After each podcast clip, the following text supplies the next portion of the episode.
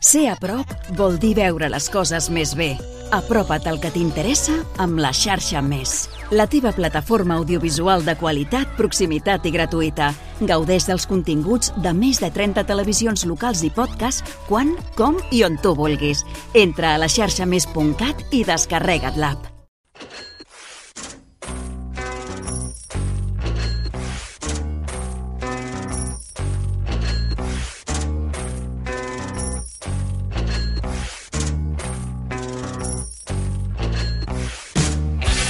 Al setembre de 2022, un 64% dels experts reunits al Fòrum Econòmic Mundial de Davos consideraven inevitable una recessió de l'economia, una recessió econòmica mundial al 2023, és a dir, aquest any.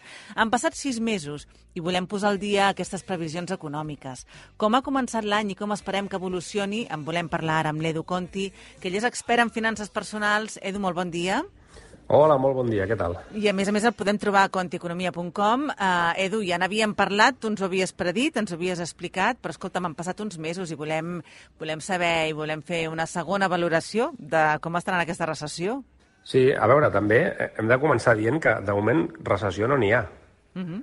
eh? o sigui, si, si recordes, fa sis mesos vam estar, ens vam fer ressò d'una enquesta d'experts reunits al Fòrum Econòmic Mundial de Davos, que fa sis mesos, al setembre del 2022, consideraven inevitable que hi hagués una recessió econòmica al llarg de l'any 2023. I doncs bé, han passat sis mesos i el que veiem és que, de moment, a dia d'avui, que bàsicament el que podem dir és que ha passat el primer trimestre, de moment recessió no n'hi ha.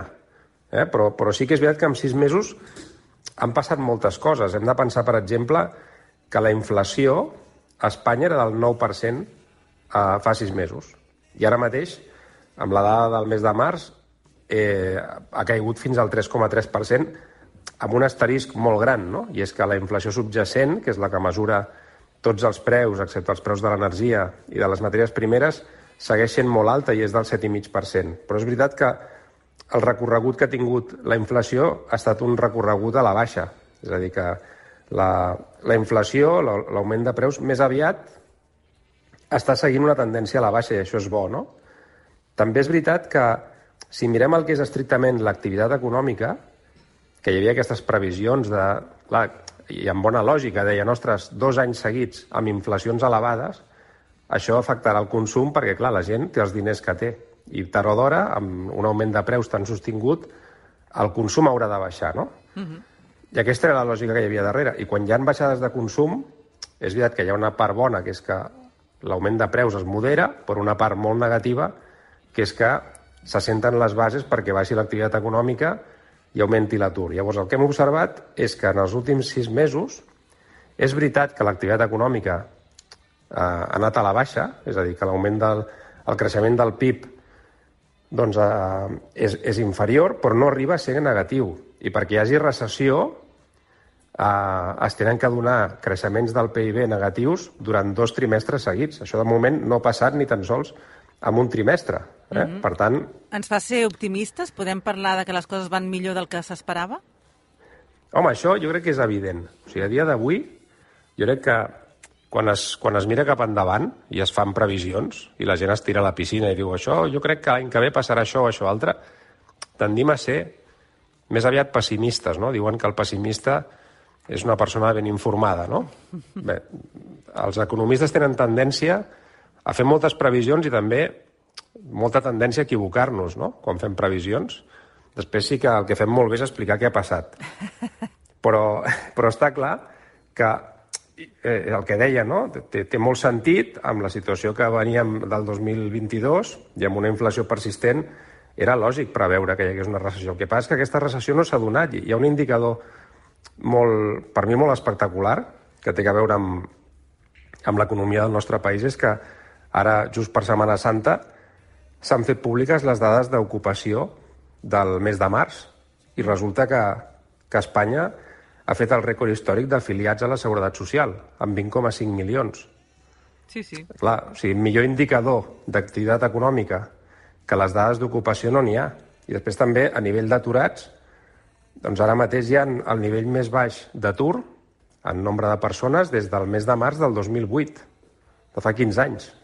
Caram. És a dir, que al final, clar, eh, l'economia, eh, quan l'economia no va bé, qui, qui en surt molt mal parat és l'ocupació, no? els llocs de treball. Per tant, doncs, eh, des d'aquest punt de vista, jo crec que, que sí, que les coses estan, millor del, millor, estan anant millor del que esperàvem, però també és veritat que aquest any 2023 la previsió és que l'activitat econòmica s'afableixi, eh? s'afableixi, però Clar, això no això és vol el que dir anava que... a dir. Hem arrencat Sí. bé, però el que Mm. queda d'any, què en podem esperar? Anirà tot tan bé com sembla o ja començarem a tenir...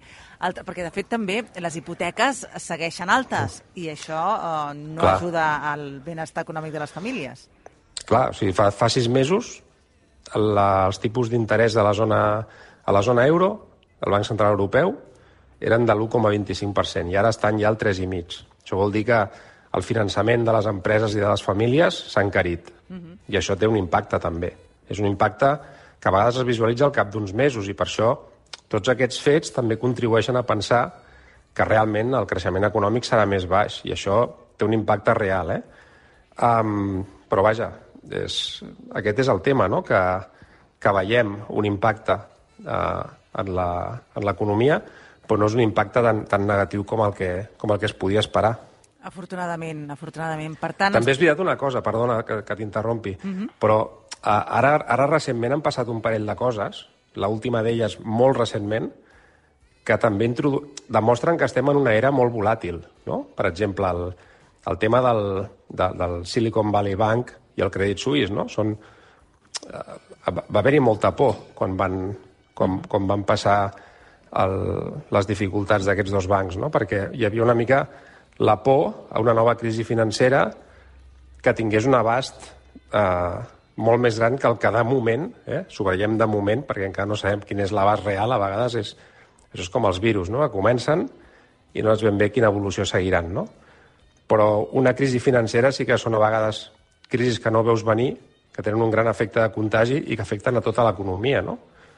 Llavors, això encara no sabem exactament quin serà l'abast que pot tenir eh, aquestes dificultats de banques mitjanes i banques grans, en el cas del Credit Suisse, a, en el sistema financer mundial. No? I el segon tema, que aquest també és important i que també moltes vegades no el veiem venir, és que ara fa molt pocs dies resulta que l'OPEP ha decidit reduir eh, la producció de petroli. Això automàticament puja els preus del petroli. I què passa quan puja els preus del petroli? Doncs que puja la inflació. És a dir, que tota aquesta tendència de, de, de baixada de preus, ara de cop, quan hi ha un moviment dels productors de petroli, doncs resulta que una cosa que semblava que tenia una línia molt clara, doncs no la té tant, no?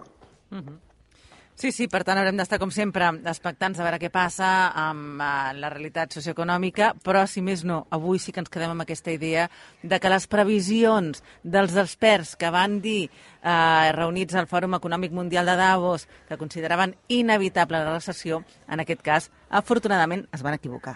De moment sí. També és moment veritat sí. que ara els experts el que estan dient és que el 2023 doncs, podem esperar, per exemple, a Espanya, doncs, un creixement econòmic entre l'1 i el 2%. I a la Unió Europea al voltant de l'1%, potser més aviat al 0,8-0,9%. Veurem si encerten, no? Però està clar que són previsions de creixement baixes, però com a mínim són, són previsions positives de creixement. Sí, sí, doncs amb aquesta positivitat ens quedem.